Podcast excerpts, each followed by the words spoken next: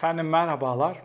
Büyükelçiler krizinde Erdoğan kendi kendine kazıp düştüğü çukurdan çıkabilmesi için ona bir el uzatıldı.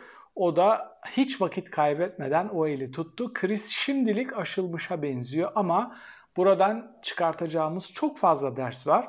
Öncelikle niçin bu olay krize sürüklendi? Örneğin o bildiriyi Erdoğan hiç görmemiş olsa ya da çok hafifinden şöyle bir açıklama yapmış olsa bizim için yok hükmündedir.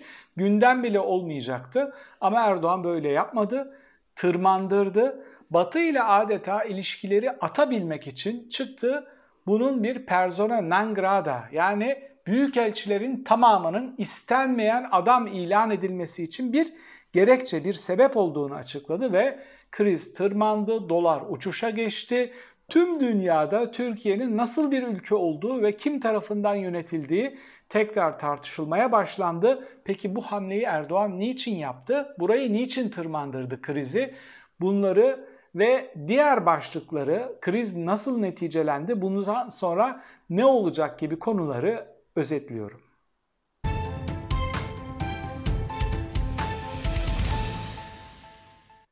Bence krizin çıkma sebebi şuydu batılı güçlerin Erdoğan'ın yaptığı hamlelere karışamaması için onlara bir ders vermek istedi. Uluslararası hukukun dışına çıkmış yani AHİM'in altına imza atmış, ahim kararlarına uyacağını taahhüt etmiş bir ülke Türkiye ama uymuyor. Birçok beraat çıktı oradan, birçok karar çıktı ahimden ama Erdoğan yargısı buna uymuyor. Herkes, dünyadaki herkes, tüm uzmanlar, diplomatlar ve akademisyenler, Türkiye'ye çalışan akademisyenler herkes şunu bir ön kabul olarak kabul ediyor, böyle yorumluyor. Bu ülkede bağımsız bir yargı yoktur. Erdoğan'a rağmen Anayasa Mahkemesi dahil olmak üzere hiçbir kurum ona rağmen karar alamaz. Dolayısıyla yargının uluslararası hukukla çelişen kararlarının tamamı Erdoğan'ın hamlesine yazılıyor.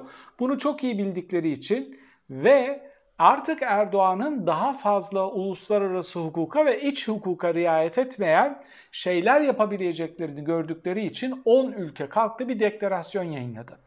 Şimdi bu 10 ülkenin deklarasyonuna paralel olarak olan bir şey daha vardı. Bunu görmezsek olayı tam yorumlamış olmayız. Neydi o? Kılıçdaroğlu çıktı, memurları, hakimleri, savcıları, bürokratları, diplomatları yasal olmayan emirlere uymamak uymama uymak hususunda uyardı. Uymamak hususunda atacakları adımlardan dolayı da onlara adeta bir ultimatom verdi. Kılıçdaroğlu iç hukuka, anayasaya uymayı uymaya davet ederken devlet erkeni 10 ülkede uluslararası hukuka davet etti Erdoğan'ı. Yani Osman Kavala davası iç hukukla alakalı bir şey değil.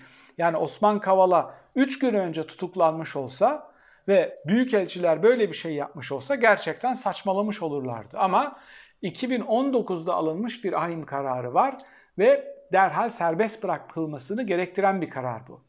Şimdi bu hamlelerin yapılmış oluşunun sebebi hemen hepinizin bana defalarca yazdığı mevzuyla aynı.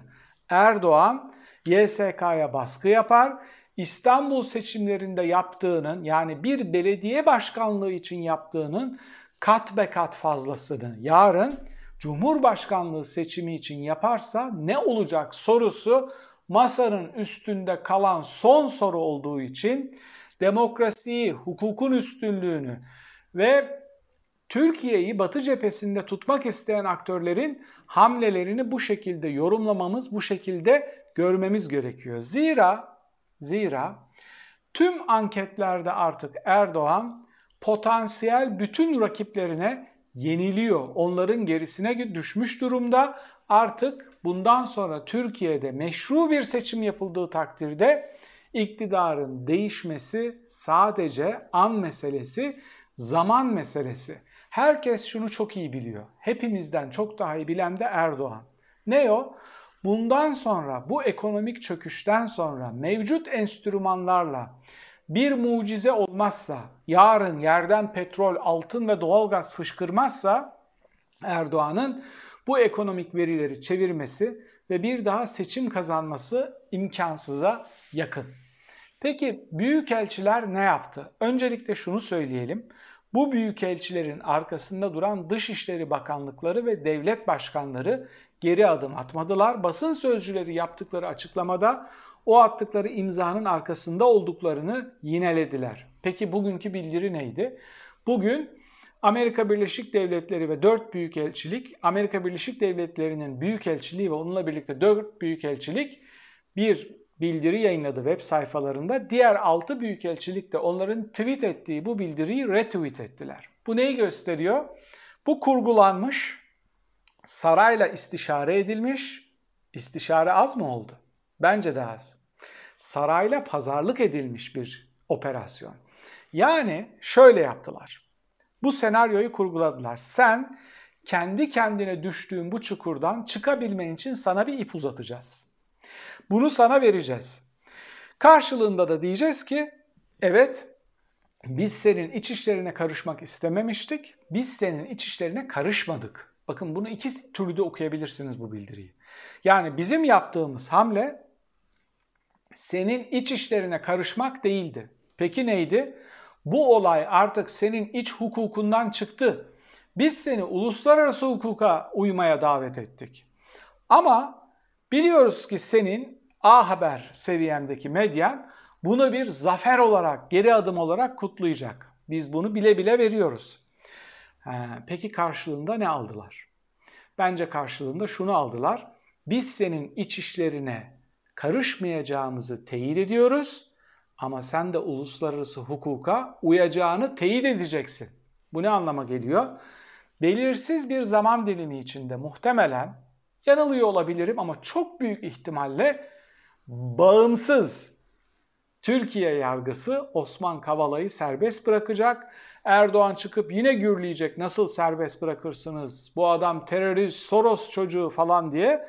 Ama olay yargının boynuna yazılmış olacak ve Erdoğan seçmenleri karşısında yine gürleyen, yine posta koyan, yine batıyı hizaya getiren adam fotoğrafını çıkartmış olacak. Zaten Erdoğan'ın yaptığı tüm hesaplar da bunun üstüne. Tüm buradan çıkartmak istediği tek bir şey var. Bir iktidar daha.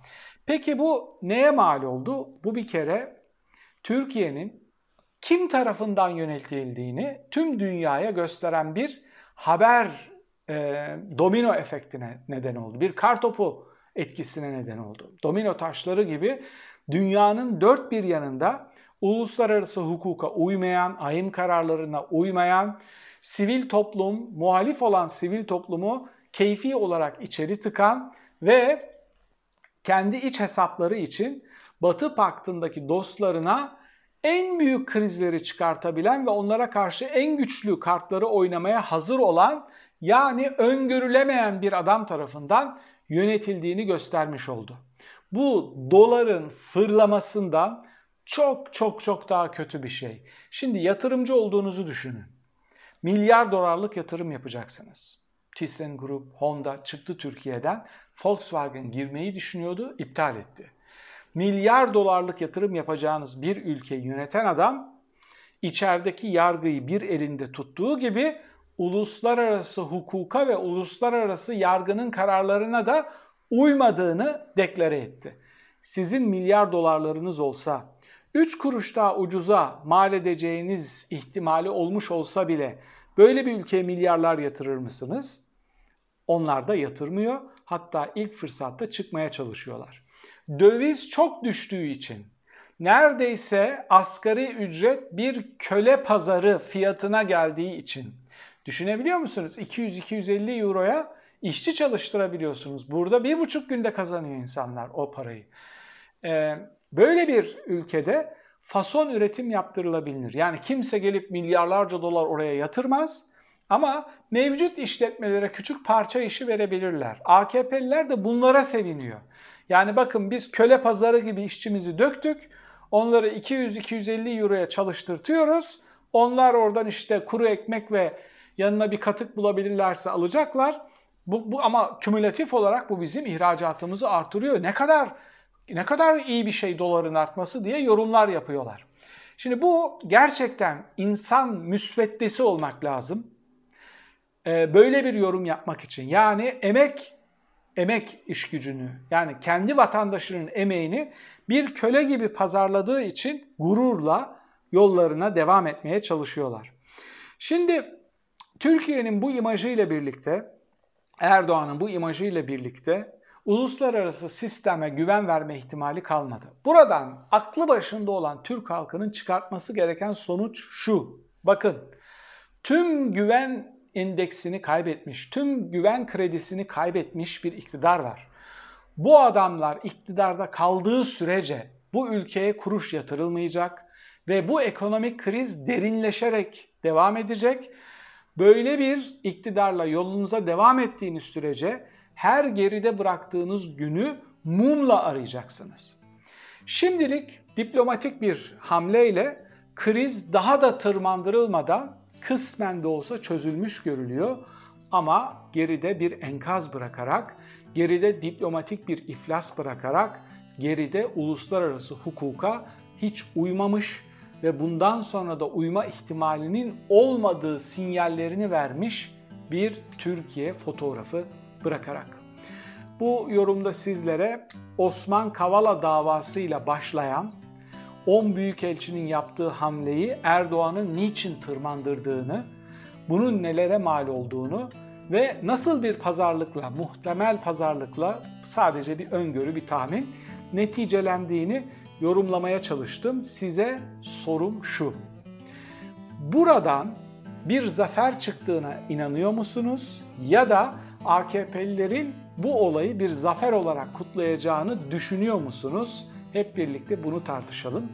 Bir sonraki videoda tekrar birlikte olmak üzere efendim. Hoşçakalın.